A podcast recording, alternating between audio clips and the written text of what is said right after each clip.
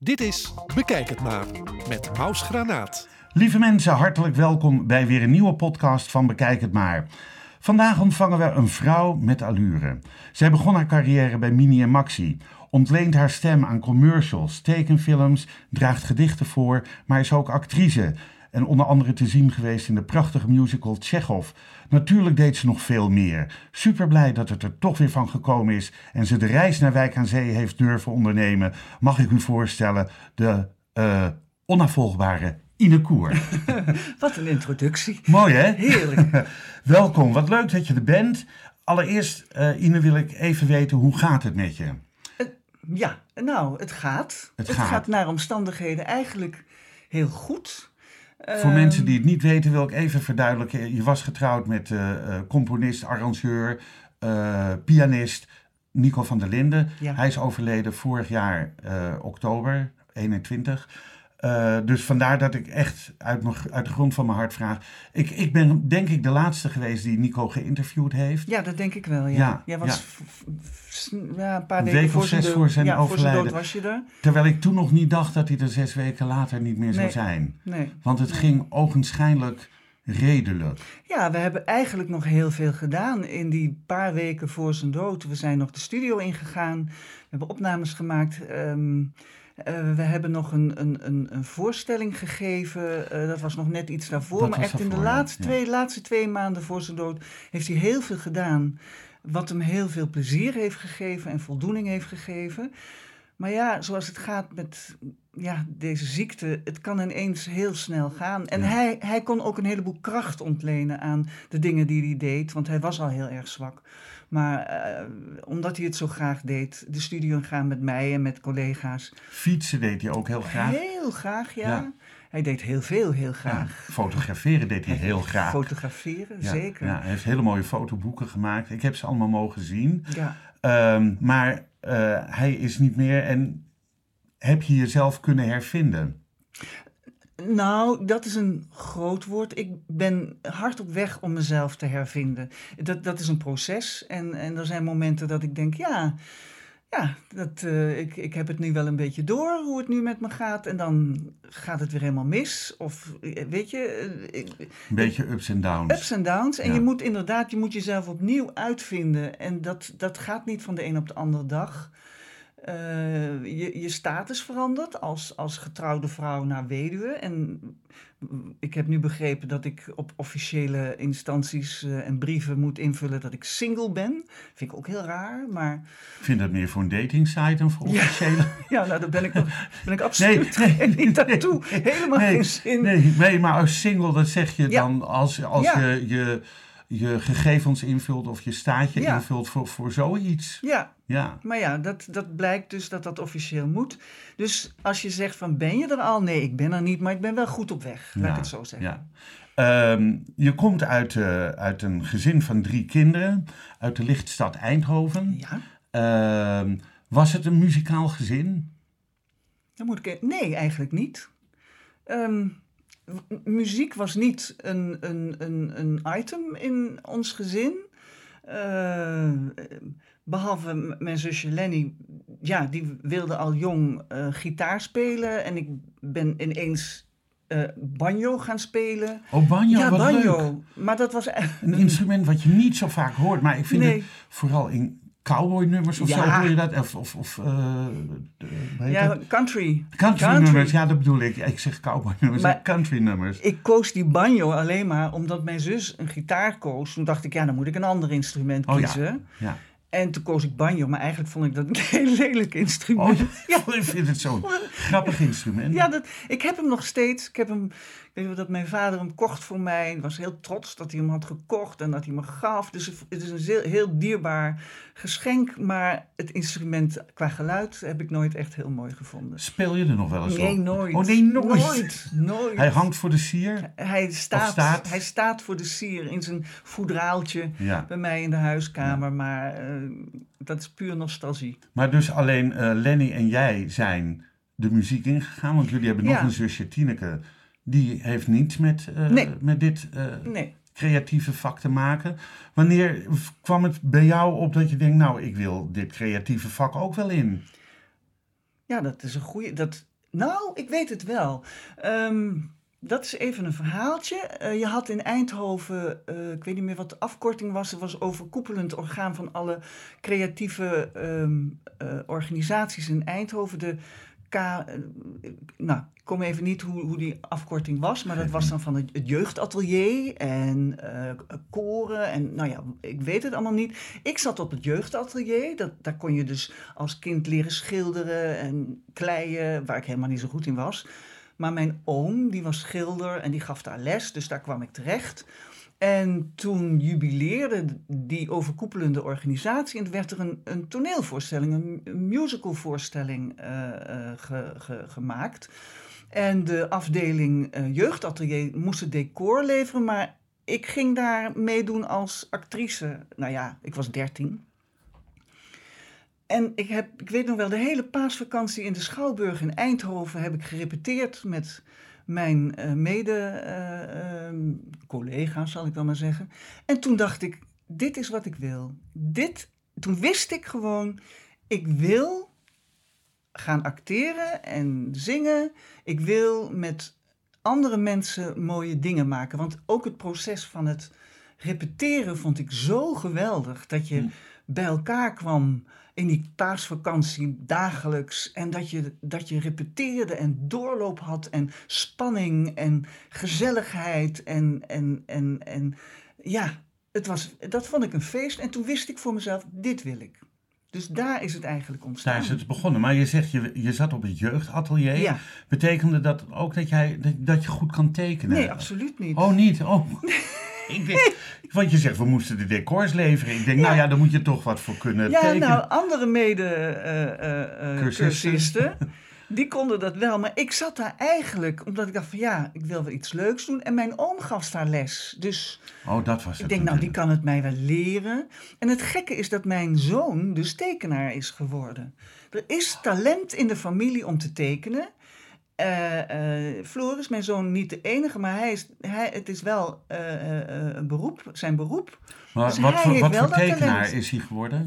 striptekenaar. Okay. Um, hoe noem je dat nou? Um, graphic novel-achtig. Heet dat tegenwoordig zo? Graphic novel, ja. Striptekenaar zeg ik ook altijd. Ja, maar de, ja, nou ja, en die, in, in, hij heeft ook... Maar heeft hij een strip uh, in, een, een, in een bekend Nederlands blad of zo? Of maakt nee, hij, hij heeft uh, voor televisie, voor een, een quiz, Nederland-België, heeft hij een, een strip getekend die dan bij uh, een, een quizvraag steeds kwam. Ja. En hij heeft ook de, de leader van een hele leuke serie, Ninja Nanny.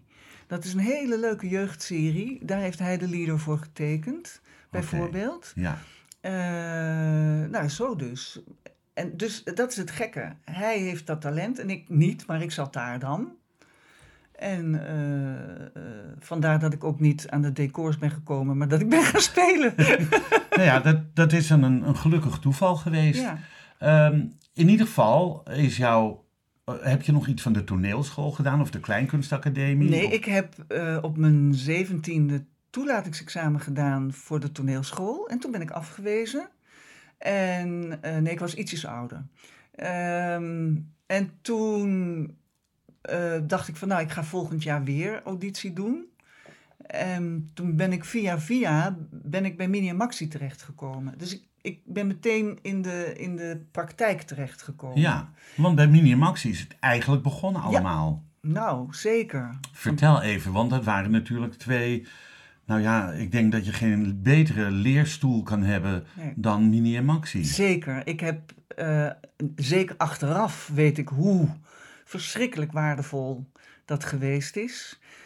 Ik moet je heel eerlijk zeggen, ik ben bij hen terechtgekomen. Mijn, mijn, mijn zus Lenny, die had... Uh, zij um, wist dat ik heel graag eigenlijk het vak in wilde en ik had geen ingang. Toen zei ze van, nou weet je, ga eens naar um, Hans van Willigenburg. Uh, oh, ga eens met je Ik had toen inmiddels wel wat gitaarles genomen. En uh, ga eens, want ik maakte liedjes ook, dus ik was ook aan het zingen.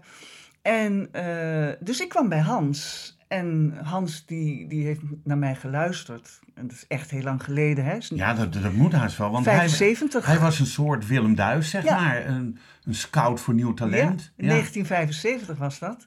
En hij zei, ik weet dat Minnie en Maxi op zoek zijn naar eh, eh, nieuw talent. Want zij willen semi-solo, want zij zaten bij Tom Manders. En uh, zij gingen toen Showtime oprichten. Dat was een, een revue, cabaret revue. En ze zoeken daar nog een, een zangeres-actrice. En um, nou, kom eens bij mij tussen 12 en 2 zingen. En dat heb ik gedaan. En Minnie en dat Max, was zijn radioprogramma, Dat voor mensen die dat niet meer weten. Maar ja, ja. En hij had Karel en Peter, Minnie en Maxi, eh, gewaarschuwd. Die hebben geluisterd. En toen eh, was ik aangenomen voor hun Nou. programma. Maar dat is toch leuk, een gouden greep geweest. Dat was fantastisch. Ja. Ik, ik heb nog... Ik heb zoveel geleerd van die mannen, want ik, ik wist nog niks. Ik wist helemaal niks. Ik denk dat ik een potentie had, maar een, een vakkennis had ik helemaal niet. Nee. En dan kom je bij die twee mannen die zoveel talent en zoveel discipline en Passie. zoveel vakmanschap Ja. hadden. En eh, ik heb in dat jaar zo verschrikkelijk veel geleerd en zo verschrikkelijk veel gelachen. En ik ben, ik ben zo gegroeid als, als mens, zeg maar, in één jaar. Ja. En, eh, en Daar kan geen opleiding tegen op, denk kan ik. geen opleiding tegenop. En je ontdekt dan ook wat je nog allemaal moet leren. Ontdek je ook eh, wat je niet kan. Zeker. Ja, wat kan je niet? Wat, wat, wat, eh, en, maar ja, daarna wil ik ook weten wat, wat je ontdekt hebt wat je juist wel goed kan. Nou ja, ik heb daar van alles moeten doen. Ik heb daar moeten tapdansen en eh, eh, bijvoorbeeld tapdansen. En Ik had nog nooit van mijn leven getapdanst. En het openingsnummer was Een tapdans. En toen dacht ik, ja, eh, dat wil ik leren. En dus ik moet je je voorstellen, het was een hittegolf en we repeteerden in Leiden. En ik woonde in de Bijlmer in Amsterdam. En voordat ik met de trein naar Leiden ging, zat ik op een hardpoortplaats naast mijn bed. Met mijn tapschoenen zat ik te repeteren, te repeteren.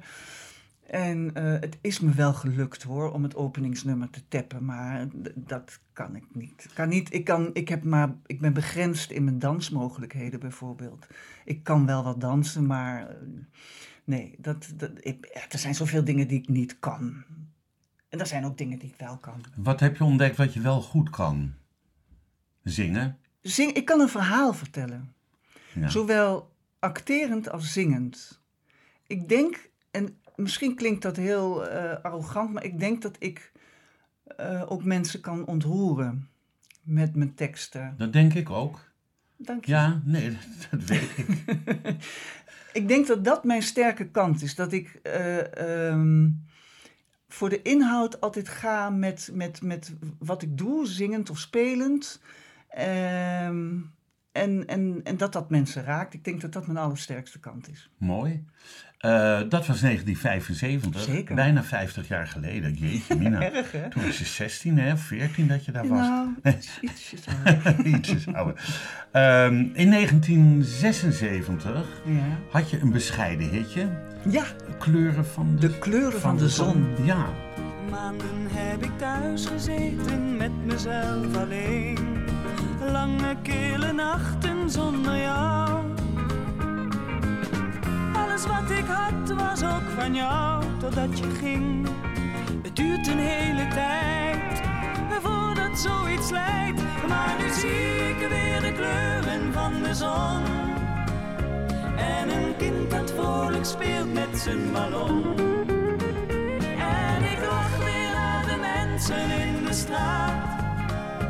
Want nu weet ik dat verdriet weer overgaat.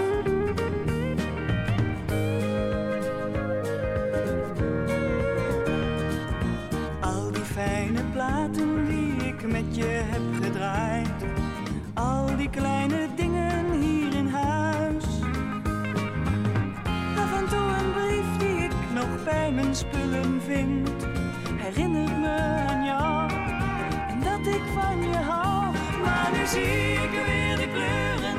zon. En een kind dat vrolijk speelt met zijn ballon.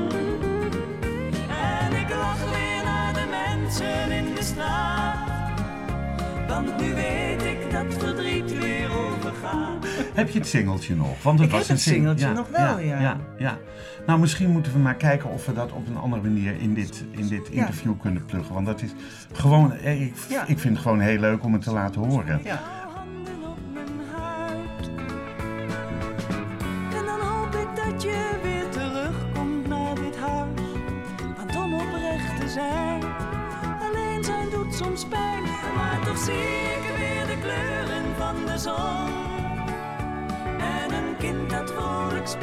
Zijn ballon. En ik lach weer naar de mensen in de straat. Want nu weet ik dat verdriet weer overgaat. Maar toch zie ik weer de kleuren van de zon. En een kind dat vrolijk speelt met zijn ballon.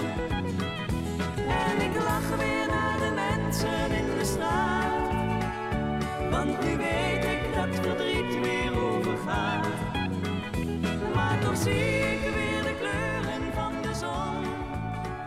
Zes jaar lang heb je bij de nieuwe comedie in Scheveningen gespeeld. Zeker. Ehm, hoe kwam je van Mini en Maxi en een singeltje naar, eh, naar Scheveningen? Ehm, ja, En wat was de kleine comedie? de nieuwe Oh, comedie. sorry, de nieuwe. Ja, Ja. ik, niet Dat te verwarren met de kleine comedie in Amsterdam. De Ja. nieuwe comedie was een gezelschap in Scheveningen, eh, politiek toneel. Mhm. En ehm, ik speelde bij Pim Peters Producties. Dat was eh, een, een gezelschap dat op scholen eh, speelde. Dus daar gingen wij eh, gymzalen langs met blokken waar je van alles mee kon bouwen. als decor. En dan speelden wij voor middelbare scholieren. En mijn toenmalige man was dramaturg bij de nieuwe comedie. En eh, ja, zo gaat het. Dus dan hoor ik dat ze weer een actrices nodig hadden. En toen zijn dus eh, de mensen van Nieuwe Comedie naar zo'n voorstelling gekomen van Pim Peters. En eh, ja, toen ben ik aangenomen.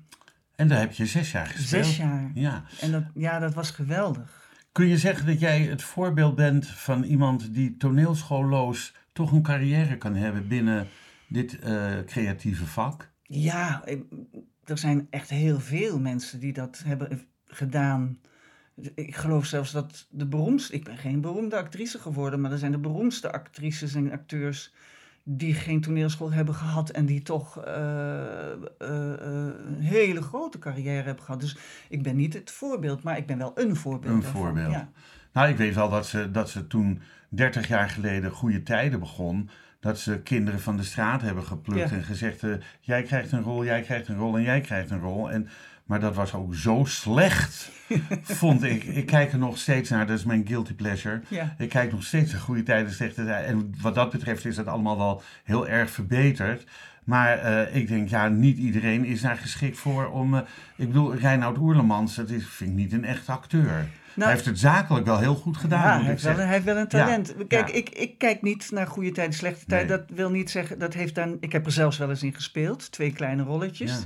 Dus eh, wat ik, ik denk dat een aantal mensen die daar begonnen zijn... dat die ook wel heel erg gegroeid zijn. Dat die begonnen...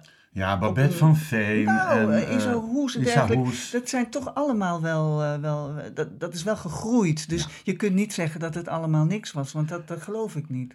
Nee, nee, oh nee, nee, dat was, was ook niet mijn bedoeling hoor. Nee. Ik zei eh, eh, ik, dat ik het heel slecht vond Ja. in het begin. Ook de decors, ik bedoel, Ja. je zag de muren bewegen bijna. En, eh, Dat heb ik meegemaakt oh, paar keer dat ik erin zat. Dat je echt, dat de cardboard muren, ja, zeker. Maar dat is ook weer heel lang geleden. Ja, dat is, dat is ook zo. Nou goed, we laten dat eventjes rusten. Ehm, eh, van 91 tot 93 zat je als Masha in eh, de musical Chekhov. Ja. Mooie rol, een Ja. mooie musical, Ja. Mooie teksten van Robert Long en Dimitri Frenkel-Frank.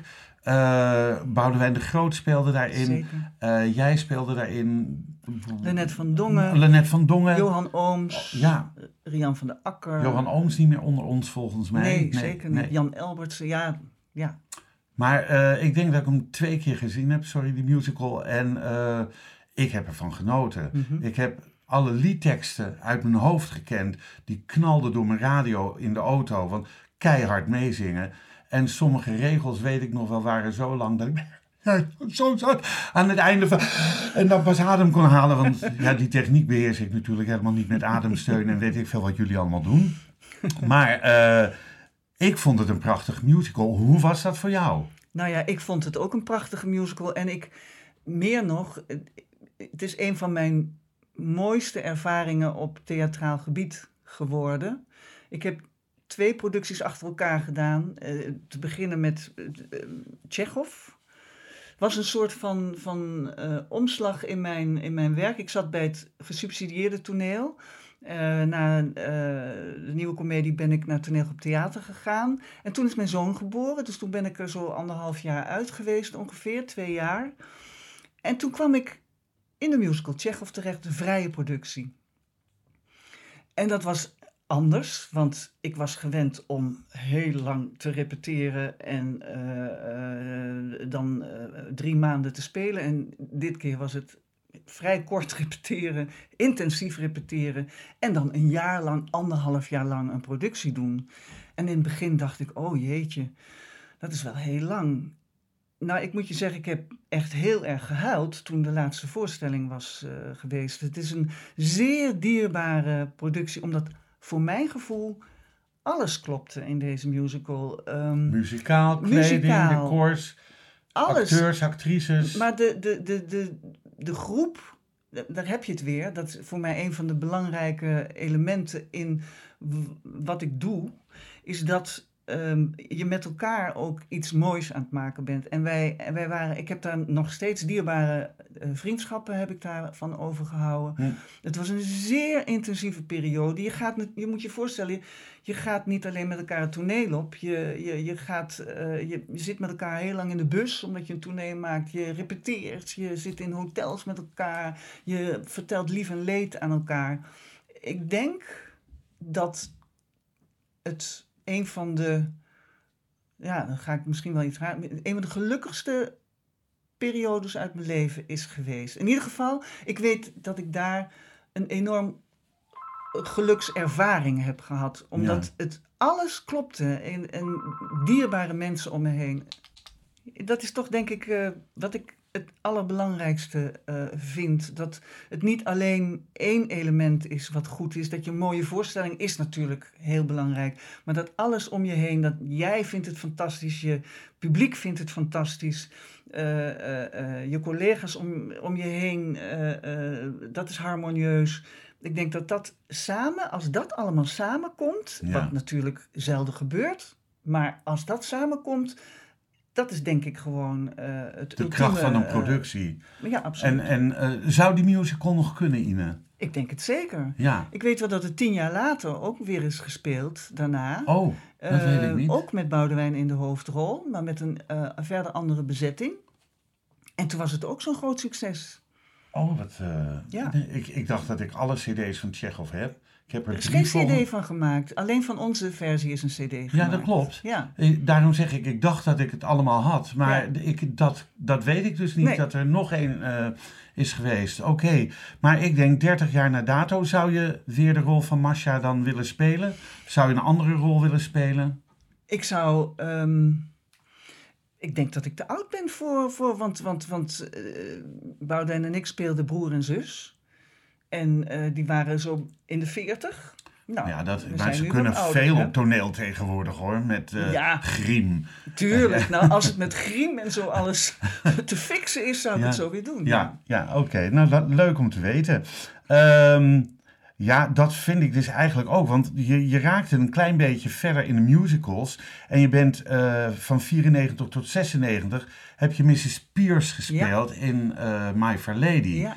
Met Paul van Vliet, Zeker. met Vera Mann Zeker. en ehm Met Huib Roymans. Huib Roymans. Ja. En Piet Bambergen en. ehm Oh, die, ja, die speelde Doolittle natuurlijk. Doolittle, Ja. maar eh, Han- Johan Boskamp. Boskamp. Nee, Hans, Hans Hans Boskamp, Boskamp. sorry. Johan was zijn vader. Hans Boskamp. Ja.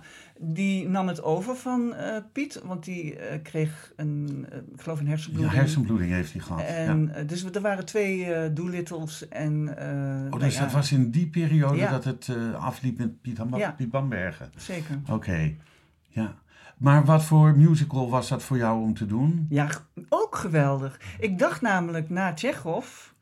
Het Nou kan ja, niet beter. Deze, deze ervaring kan niet geëvenaard worden of overtroffen worden. Ja. En eh, toen werd ik gevraagd voor eh, My Fair Lady. Toen dacht ik, nou leuk. Eh, fijn, fijn, ik heb werk. En, ja. en dat is minstens zo'n fijne ervaring geworden. Want dat was ook zo'n hecht team. En het was ook een prachtige productie. Hoe vaak hebben jullie Tsjechov gespeeld en hoe vaak hebben jullie eh, My Fair Lady gespeeld? Als ik het me goed herinner, Tsjechov 260 keer ongeveer. En My Fair Lady meer, 320 keer of zo. Hm. Eh, beide keren geregisseerd door Eddie Hammema. Op de een of andere manier had hij dus een, ook een heel goed talent om, om, Om mensen bij bij elkaar- elkaar te Ja, zetten op de een of andere is- manier. Ja, dat is heel, belang, heel belangrijk. Ja, Want wrijving onderling tijdens een Ja, stuk, dat is dat, afschuwelijk. ja, dat werkt niet. Nee, dat werkt niet. Nee. En eh, nee, ik, ik, eh, daar ook weer een, een hele hechte vriendschap met Paul en Huip en Vera. En eh, Vera en ik zijn nog steeds en Huip en ik zijn nog steeds heel goed bevriend. Hm. En eh, gewoon hele fijne ervaring. Ja. Leuk. De mooiste rol die Huip heeft gespeeld, vind ik, dat was zijn rol in Anatevka. ja. En dat was zijn rol als meneer Harmsen in... Eh, want... Ja. Hoi, man. Nou, jij hebt hetzelfde. Ik, ik weet wel, eh, eh, Nico en ik keken dan altijd naar. Toen was gelukkig. Toen was gelukkig heel wel. En Ja. wij, Nico kon zo uitzonderlijk heftig lachen als hij iets leuk vond. En die rolde van de bank steeds bij Huip. En Ja. ik ook. En ja, Huip, Huip, ik hou heel erg veel van Ja. Huip. Dat is mijn platonische liefde, zal ik maar zeggen. Eh, eh, eh, dat klikte enorm tussen hem en mij. En ik, ken hem dus ook van haver tot gort. Zal ik, hè?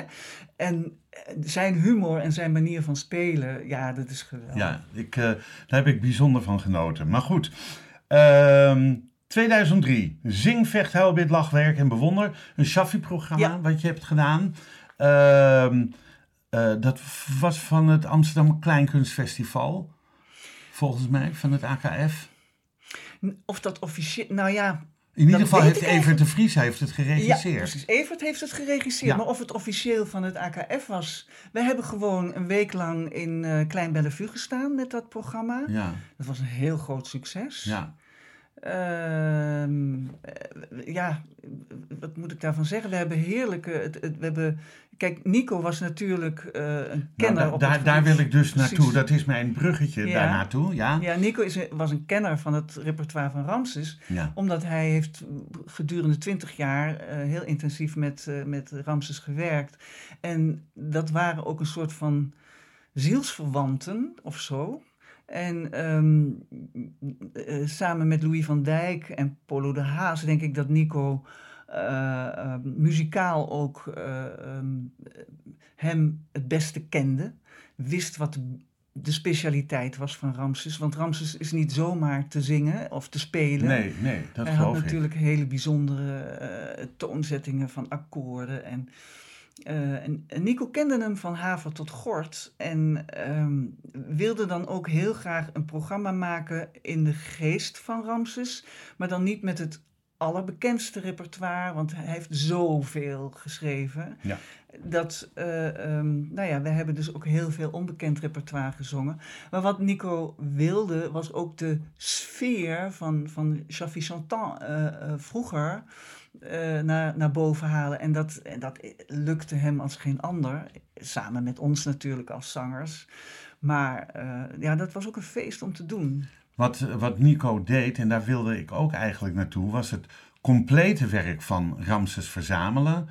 Daar drie boeken van maken. Mhm. Met alle partituren, met alle teksten, met Mhm. foto's. Met, eh, dat heeft Nico niet meer kunnen voltooien. Maar jij hebt het wel voltooid. Nee, het is, Oh. hij heeft het wel voltooid. Hij heeft het alleen niet afgezien. Nou ja, dat bedoel ik eigenlijk. bedoel ja, ja, ja, ja, ja, hij, ja. hij heeft het... eh, eh, ik weet wel dat... Hij heeft me dingen wel laten zien Zeker. hoe het eruit zou is- komen te zien. Het is werkelijk zijn levenswerk geworden. Hij had al twee boeken geschreven met werk van Ramses.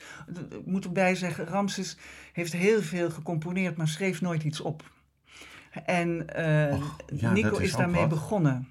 Die is begonnen al, al meer dan tien jaar geleden. Om eh, eh, het zo, zo eh, exact mogelijk te no- noteren. En er zijn dus twee boeken van gekomen. En ehm, dat gaat zo, als je bezig bent met dat repertoire, dan zijn er ook mensen die zeggen van, oh, maar jij bent daarmee bezig. En die komen dan ook weer met nieuw repertoire. of wat ze nog hadden. Hè? Want Ramses maakte heel veel cassettebandjes. Speelde die vol en die gaf hij dan. En Nico had ook heel veel cassettebandjes van werk van Ja, Ramses. ja, ja, ja. Dus hij dacht steeds van, oh, maar ik ben nog niet klaar. En dan had hij weer nieuw materiaal. En toen kwam eh, uitgeverij Leporello. Hij heeft toen gezegd van, maar nu gaan we dan een zo compleet mogelijk werk uitgeven. En dat, dat, Van Ramses? Van Ramses. Eh, en dat zijn 220 of 202, daar wil ik even van af zijn, nummers geworden Wow. bekende en onbekende nummers. Die heeft Nico helemaal uitgezocht en uitgeschreven, de tekst erbij. Ehm, en dat is echt een levenswerk van hem geworden. Ja. En dat is. Want je eh, hebt het onlangs, recentelijk is het uitgegeven. Of eh, gepresenteerd, Ja. eh, gereleased. 7 april, April, ja, geloof ik, ja, is. Het, heb, heb ik het in ontvangst mogen nemen. Het is een prachtig werk geworden. Hm. Het is een, een, een monumentaal werk geworden. Het, het boek weegt 6 kilo, want het zijn drie boeken in Ja, een. In een, ehm, in één eh voedraal, box, in een box. Ja, ja. Het is echt eh, geweldig. Het is voor de kenner, want als je eh, leuk de- het levensverhaal van Ramses wil lezen, dan moet je het niet kopen. Je moet het kopen Als, je van de muziek als houdt, je van de muziek de houdt. teksten ja. houdt. Ja, Ja. zeker. Het is, eh, waar is het te koop? Is het overal te koop? Het is sowieso online te koop. Eh, ook bij uitgeverij eh, Leporello, de website van, van, van de uitgeverij. En in de betere muziekboekhandels. Oké. Eh, het, dus er hangt wel een prijsje aan. Daar hangt een prijsje aan, zeker. Het is eh 179,95 euro geloof ik. Ja. Dan, maar, Maar je dan hebt heb- dan ook wat. Dan ja, heb je inderdaad een Zeker. heel mooi, ja, waardevol iets. Zeker. Ja, ja, leuk. Fijn dat je dat hebt kunnen eh, voltooien. Ook eh, met Nico op de achter. Ik denk dat hij met een vette knipoog naar beneden heeft gekeken. En eh, zo naar jou heeft gedaan met zijn duim omhoog. Ja, dat denk ik ook. Ehm, met eh Hedy Lester speelde je foute... foute Sarah's. Foute Sarah, foute, Foute vrouwen wou ik zeggen. Foute Nee, Sarah's. foute Sarah's. Foute Sarah's. Dat ging denk ik over de, eh, niet over de puberteit, maar over de overgang. Jullie waren daar net overheen. Ja, En ehm, wat waren die foute Sarah's voor types? nou, het was naar aanleiding van eh, een boek van... Oh god, ik ben haar naam even kwijt. Claudia Biegel, natuurlijk. Ja. Zij schreef het boek Foute Sarah's. En ehm, dat was dus naar aanleiding van vrouwen in de overgang of na de 50. Dat je denkt van, nu mag je geen korte rokken meer dragen. Nu mag je... eh, er zijn zoveel dingen Oh ja, die je niet meer mag, omdat je een omdat bepaalde je ouder leeftijd... bent. Ja. Ja, ik heb het zelf dus een keertje meegemaakt. Echt waar. En, dan, en toen was ik nog in de veertig of zo. En dat ik een, een collega eh, tegenkwam bij Radio Noord-Holland. En ehm, ik, had, ik, ik liep in een spijkerbroek en met gimpies. En die zegt tegen mij, een jonge jongen, vond hij zelf, van 37. En die Oh. zei tegen mij van, oh wat leuk, jij draagt nog gimpies. En ik kijk hem verbijsterd aan. Ik denk, eh, pardon? Het was dus niet meer eh, zaak dat ik gimpies droeg. Dat Dat is was maar not done voor, not iemand, done. Voor, voor iemand van Hè? 40. Ik moest steunzolen zijn. Ik weet het niet. Ik, ik weet het niet. Maar steunkousen. zoiets. Ja. Dus met die aanname eh, van wat er allemaal dus niet zou mogen als je een bepaalde leeftijd hebt, heeft zij dat boek geschreven. En wij zijn daarop voortgegaan en hebben sketches geschreven. Dat met name eh, eh, eh, Claudia zelf, maar ook Franke Volter heeft sketches geschreven en heeft liedjes geschreven. En ehm, wij zijn een, een, een half jaar lang met z'n drieën, Frank, Hedy en ik, heel intensief dagelijks daarmee bezig geweest en gerepeteerd. En we hebben een ontzettend leuke tournee gedaan van iets van 33 voorstellingen in Oh, de leuk. kleine zalen van de Schouwburgen. ja. Dat was ontzettend leuk om te doen, ja. Ja. leuk. Maar het is ook leuk om, om, eh, om dat stukje zelfspot eh, en, en, en, en de grappen die daar over gemaakt worden, over de overgang eh, van blozen. En, ik, weet, ik weet, Lynette van Dongen, die heeft ooit eh, nou rond haar 50ste verjaardag ook een show gemaakt die uitsluitend daarover ging. En Ja. de arm omhoog. Dat ze zegt, dit hoort niet, hè, de, die kipfilets aan de, aan, de onder, aan de bovenkant van Ja. de onderarm, nee, hoe noem je dat? Ja, de Eh, kipfilet. Kipfiletjes. En eh, kijk, als je zo doet, zie je niks. Maar oh, als je zo doet, dan zie je alles. Ja, Ja, er zijn heel wat grappen alles trekt op, hoor. behalve je tandvlees, weet je wel, nou, dat soort dingen. Nou, dat, ja, maar dat is wel erg leuk als je die, eh, die zelfkennis en of die zelfspot kunt eh, etaleren naar het publiek toe. Mhm.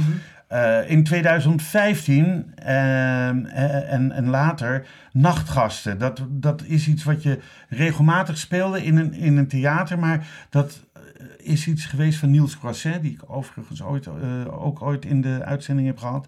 En was het Koen Wouters? Koen Wouters en Jorik Zwart. En Jor, en maar toch ook Niels Croisset? Die Ja, zat. Niels. Ni- Dat was ja, een bepaald concept, een soort Ja. improvisatietoneel. Ja, geweldig. Kun je daar wat van vertellen? Ja, zeker. Ja. Nou, zij, ehm, zij, zij kwamen of net van de toneelschool, of ze, ze- in ieder geval, zij waren al, al collega's en vrienden.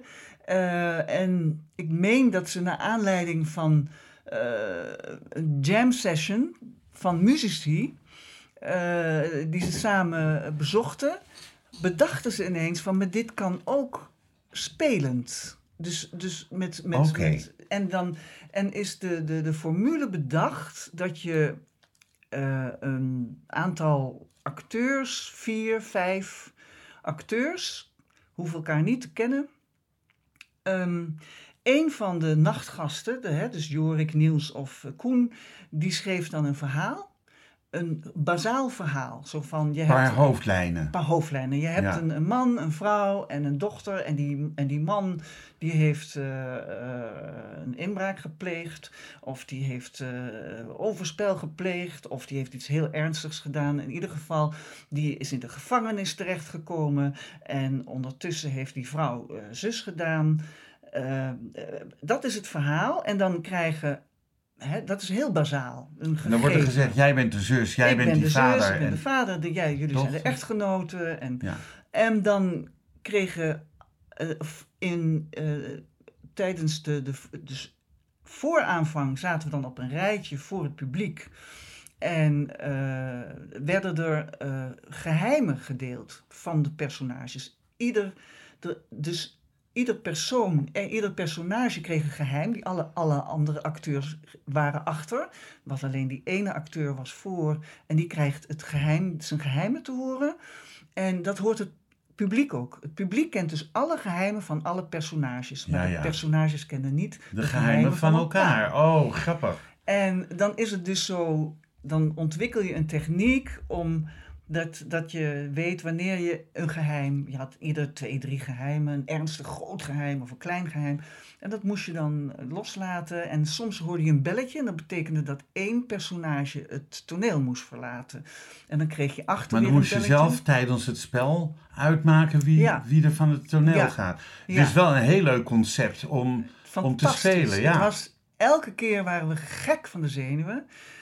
Ik heb het zo'n zeven keer gedaan, denk ik. En altijd, mm, vaak met mensen die ik nog nooit, nog nooit had ontmoet. Grappig En ik eindigde ja. altijd in de armen van de man waar ik dan mee getrouwd was en huilend en zo. Want het gaat altijd met improvisaties om grote emoties en grote schakelingen. Dus het, het, het, het- je, je zit nooit een beetje te kabbelen, want dat is niet interessant voor het publiek. Het zijn grote drama's. En het was altijd een feest om te doen. En Ja. eh, na afloop dacht je dat je elkaar al jaren kende. Was je weer zo'n familie, weet Ja, je wel? ja, maar dat is toch enig om te Geweldig. doen. Ja. ja. En eh, de, eh, je zegt, ik heb het zeven keer gedaan. Is dat dan maar zeven keer? Of is het met zeven verschillende onderwerpen dan een aantal keren Nee, dat stuk spelen? Het is gedurende. Nee, het is, het, het is he- eh, zeven keer heb je het maar gedaan. Ik heb het zeven keer gedaan. Er waren mensen die het maar twee keer hebben gedaan. Ja. Ze hadden een hele grote pool van acteurs. En daar. En, Waarom heeft dat die... Ik heb, er, ik heb er nooit van gehoord. Ik las Nee. het in jou, in jou, wat ik over jou gelezen heb. Ja. En toen dacht ik, wat een leuke manier om, eh, om een stuk te spelen. En als je dat een paar avonden speelt, maar ja, dan weet iedere acteur weet dan ook alweer het geheim van de andere acteur. Mhm. Dus dat kan misschien niet nee, eens. nee. Maar als je dat elke avond met die hele grote groep in wisselende bezettingen steeds speelt, eh, denk ik dat je elke avond een totaal ander stuk krijgt. Nou, maar dat hebben ze ook. Ze hebben niet elke avond gespeeld, maar ze hadden wel. Ik heb een boek van ze waarin ze die, die basisverhalen hebben geschreven. Het is natuurlijk wel zo dat ze eh, datzelfde basisverhaal weer met een andere bezetting eh, konden spelen. Zij speelden. Die nachtgasten was iets, ja, ik weet het niet zeker hoor, één keer in de maand of twee keer in de maand. ja. En het werd steeds populairder. En eh, ik denk wel dat het een formule is waar je. Eh, die er misschien wel door anderen overgenomen kan worden. Maar zij zijn na een aantal jaar eh, zijn ze, eh, daarmee gestopt. Omdat zij ook weer andere projecten hebben. Ja, want ze ja, zijn ja. alle drie ook weer heel erg goed bezig op andere gebieden hoor. Dus het is een fantastische con- concept is het. Ja. We hebben nu best wel wat, wat voorstellingen en periodes van jou genoemd waarin je, waarmee je gespeeld hebt. Is er nou één bepaald iets waarvan je zegt, als ik ooit de kans krijg, dan zou ik daarin willen spelen? Of van alles wat we benoemd hebben of van wat we niet benoemd hebben, is er een voorstelling waaraan je een hele dierbare herinnering hebt? Ja, dat zei je eigenlijk net al van Tsjechov. Mhm. Maar is er een voorstelling waarin je heel graag zou willen spelen, waarin je nog nooit gespeeld hebt? Nee, niet een speciale voorstelling. Ik, ik, ik zit natuurlijk in een fase dat ik mezelf heel erg afvraag: wat wil ik nog? Ja. Hè? eh, heb- Moet je nog of wil je nog? Nou, dat is, dat Ja, is de vraag. ja. En, en, en dan eh, kom ik uit op: eh, ik, ik moet niet. Ik, ik hou ongelooflijk veel van mijn vak. En ik kom uit op. ehm, ja, daar moet ik even diep over nadenken. Want ik, ik vraag mezelf. Ik heb natuurlijk ook veel gezongen. Met name veel met Nico samen natuurlijk. En ehm, ik kwam tot de ontdekking. Met Carolina Mout kan ik me nog herinneren. Ja. ook. Ook Ja. met Nico achter de piano. Ja, zeker. Ja. Maar wat mij. ehm, wat, moeilijk, wat ik moeilijk vond. Kijk, ik ben dus gewend in voorstellingen te spelen. Om eh, weken te repeteren en dan dat materiaal mij helemaal eigen te maken. En dan eh, eh, dat te spelen en dan zonder te veel zenuwen te gaan spelen. Omdat het zo ge, ge- bezonken is, dat Mhm. materiaal, dat elke keer als ik een eenmalig project doe, dus eh, ach, kom een lied daar zingen of doe dat, ga ik werkelijk dood van de zenuwen. Omdat het zo, ja, ik weet niet wat het is, er is een soort van doodsangst treedt op. En dat, Voor iemand die zo ervaren is. ja, Ja. dat hoor je wel vaker hoor. Ja, ja, je hoort het wel vaker, dat klopt. Je hoort het echt Maar- vaker. Ine, ik heb wel een idee wat je kan doen. Vertel, Een solo-project. vertel. Nou, van alle voorstellingen die je hebt gedaan, daar de leukste nummers uitpakken, of de nummers die jou het meest zeggen, van Shaffi tot My Fair Lady, tot eh, Mini en Maxi, tot Tsjechov, waar hele mooie nummers in zaten. Daar, eh, ik denk, 30 nummers uit verzamelen. Dan uitkristalliseren welke wil ik echt doen. Dan hou je 14 mooie nummers over. En ehm, nou, dan zeg je eh Ine Koer van 1975 tot 2025. Tour door de in mooie kleine, eh, ehm, de kleine zalen van de grote theaters. Zo voor tussen de, tussen de 150 en 200 mensen. En dan zo 40, 50 voorstellingen. Maar dan vergeet je iets, Maus. Een, pianist. Nee, dat, dat Oh, tuurlijk. Ik ben die, natuurlijk, die komt er wel. natuurlijk. Ik kan ook met een andere pianist. Ja. En er zijn hele goede pianisten. Ik vergeet één ding. Wat vergeet Jij ik? vergeet hoe ongelooflijk ik geniet van het samenspelen met andere mensen.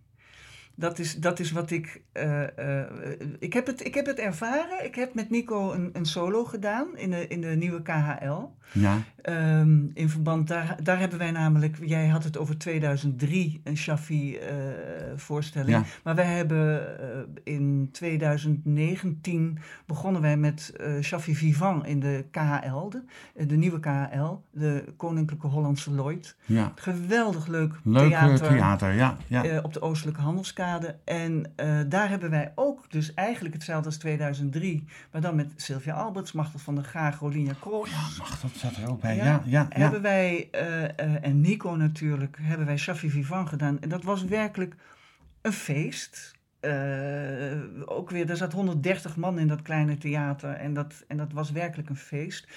Daar heb ik van genoten. Enfin, toen kwam corona. Want wij zouden dat programma gewoon maandelijks gaan doen. Dat was, was, was zo'n succes Ja. dat we dat maandelijks gingen doen. Toen kwam corona, dus toen kon er even helemaal niets.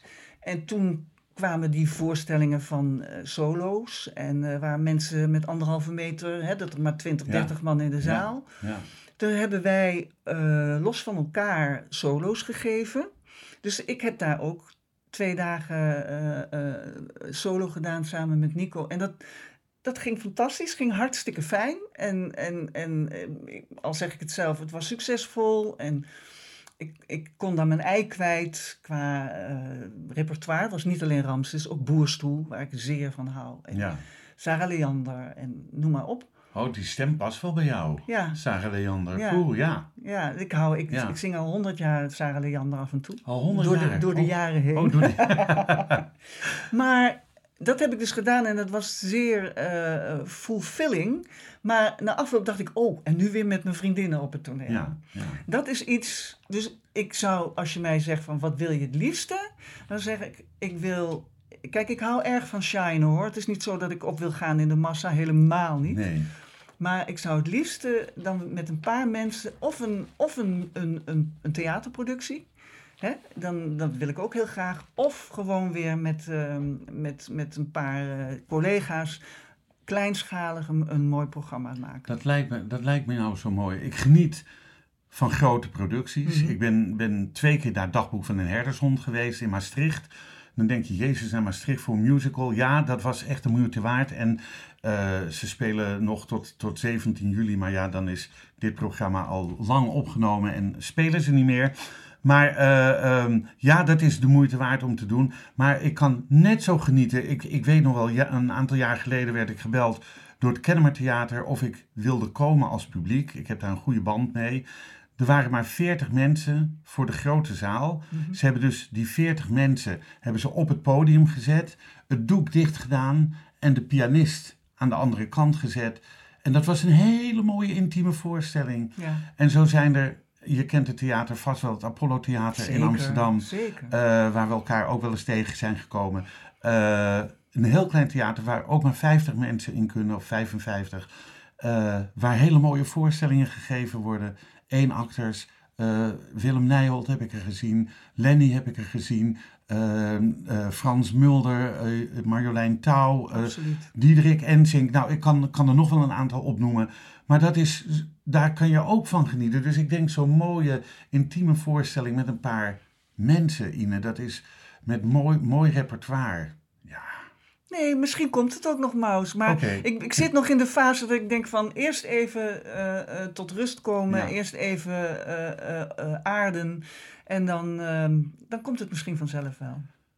Tot 2012 ben je de rechterhand geweest van, eh, zijn naam is al eerder gevallen, Hans van Wilgenburg in de hulplijn bij NH Radio. Of. Radio Noord-Holland heette het toen nog. Toen, ja.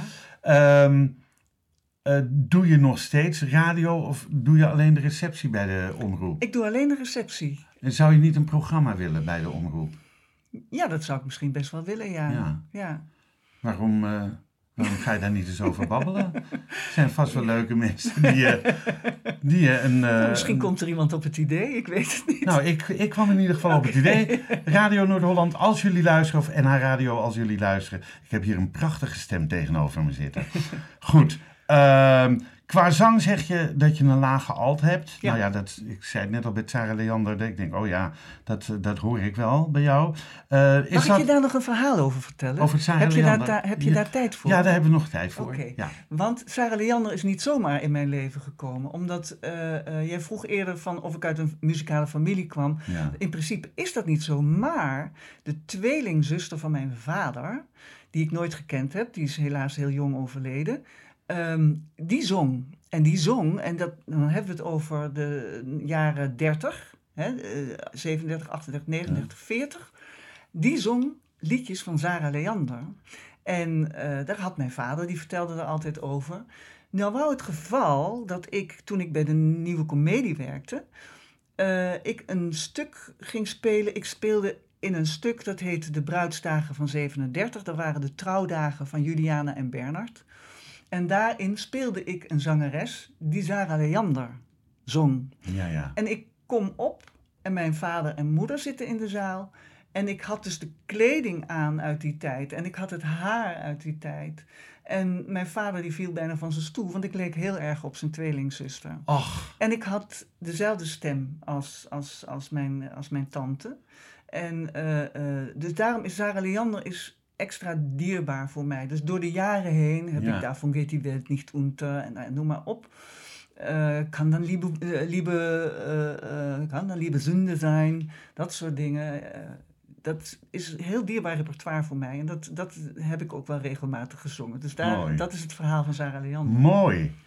Ehm, is een lage alt hetzelfde als een hoge bas? Oh god, nou vraag je me wat. Ja, nou ja. het is- het- dat weet ik niet, dat durf ik niet te zeggen. Eh, zou wel eens kunnen, het zou wel eens kunnen. Ja, want ik weet het niet. je hebt mannen die misschien net geen bas zijn en net geen tenor zijn. Ja, Dat. Ja, ja, ik, ik, ik, ik heb het. Ik, ik, ik- nou ja, het schoot me te binnen. Eh, geen idee. je zei in het begin ook dat je zelf wel liedjes schreef. Doe je dat nog steeds? Nee, Waarom niet? Vind je het fijner om een repertoire van anderen te zingen? Of durf je niet met repertoire van jezelf?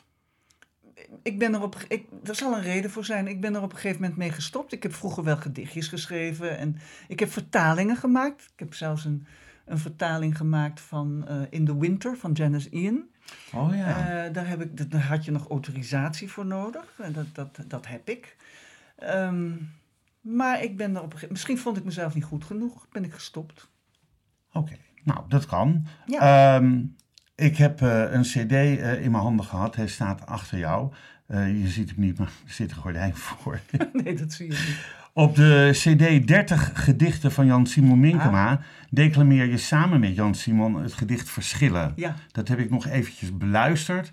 En ik denk, nou, dat, ik vind jullie twee stemmen trouwens ook mooi bij elkaar. Ja, ja, ja, zeker. ja. Ja. Want je, je declameert ook gedichten. Doe je dat nog steeds?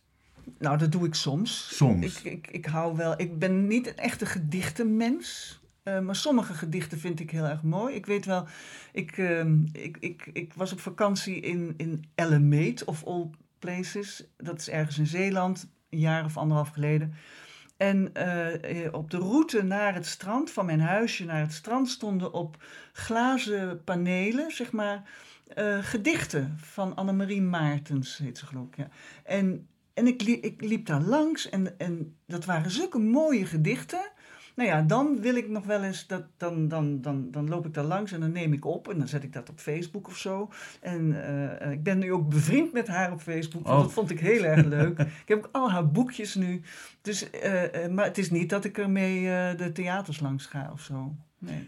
In mijn intro, ehm Ine, zei ik ook eh, dat jij je stem ontleent aan vele eh, commercials, maar ook aan tekenfilms. Ja. En eh, welke tekenfilmfiguren kunnen mensen hier mogelijk van kennen? Nou, ehm, het meest recente is bijvoorbeeld Louisa in Elena, Elena van Avalor.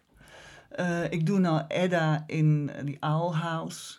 Ik doe, ik zit, doe Masha, de apenkoningin in Jungle, Jungle Book. Book, ja. Eh, er, zijn, er zijn natuurlijk ook een heleboel... Linda in Good Luck Charlie. Het zou heel goed kunnen, want ik weet het niet allemaal, Maus. Oh, echt niet? Oh, ik nee. heb er een paar opgeschreven. Nee, dat, nee, dat, dat, dat, dat, dat Sylvia, de Russische kokkin. in Ja, zeker. Liv- Oh, ik ze denk- vragen me heel vaak voor Russische ja, kokinnen. maar waarom? Zeg Het is, is een, een beetje grove, grove, grove stem en eh, dat soort dingen. Ja, ik kan, ik kan heel laag, ik kan heel grof.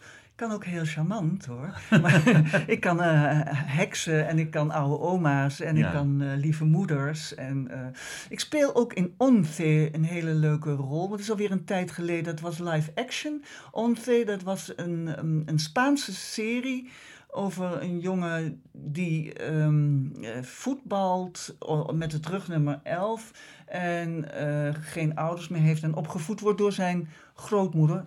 Ik dus. Eh, dat soort dingen. Dat, ja, ik, heb, maar er, zijn, en er is er ook eentje waar ik echt heel dol op ben. elke keer als ik dat weer in mag spreken, roep ik ja, joepie. En dat is een heel klein rolletje in ehm Puppy Dog Tales. En daar speelt een, eh, er komt een, een echtpaar in voor. Echt een Amerikaans echtpaar van Frank en Esther. En Esther is het Frank! En helemaal hysterisch. Elke keer, oh Frank, de schuine Peter, de schuine toren van Pisa. Oh, wat heerlijk, Frank. Elke keer mag ik een paar zinnen daarin roepen. Dat vind ik dus Oh. ook heerlijk om te doen. Maar, maar je was ook eh, eh, moederbeer in Yakari. Ja, Maar dat kan ik me moederbeer wel met een lage alt Ja. voorstellen. ja. Hoe klinkt moederbeer? Nou, nou, ik weet, het zal lang geleden zijn dat ik het in... Maar ik denk zoiets als ik nu doe. Ga maar lekker slapen, schat. Gewoon. Ik moet nog even mijn podcast afmaken. Vind je dat goed? Ehm, eh, in, mijn- in mijn eh, oh, even kijken hoor. Ehm, ja, zijn er nieuwe plannen voor jou? Zijn er plannen eh, om weer theater in te gaan? Zou je jeugd willen coachen? Dat, is- dat is eigenlijk ook iets wat me te binnen schoot. Ik denk iemand met zoveel ervaring om dan misschien op de Kleinkunstacademie of, of op de Frank Sanders Academie om ze te coachen met zang, met, met performen, met Mhm. ja. Nou, plannen zijn er niet. Want dat is wat ik zeg. Ik ben, ik ben op dit moment echt bezig aan het, hè, gewoon aan het herijken. Ja, En ehm, ik, ik moet even niks van mezelf om hopelijk dan weer spontaan tot, tot nieuwe vormen en, en, en ideeën te komen. Ehm, qua coaching, ik heb, ik heb wel eens, eh, wa- waar ik denk ik geschikt voor ben, is, is, is het coachen van mensen met het interpreteren van teksten. Eh, eh, dat, dat, ik denk dat ik dat goed kan. Ehm, maar daar zijn geen plannen voor, dus ik, ik, ik weet het niet. ik eh, wil je bedanken voor het gesprek. Ik heb het een heel fijn gesprek gevonden. Ehm, deze podcast wordt uitgegeven door de Vrijstaat Roots. Alles is na te lezen op www.bekijkhetmaar.com. Ik wil jullie danken voor het luisteren en wat mij betreft heel graag tot de volgende podcast. Dit programma werd mede mogelijk gemaakt door het Kennemer Theater in Beverwijk en Brasserie de Smaakkamer in Beverwijk.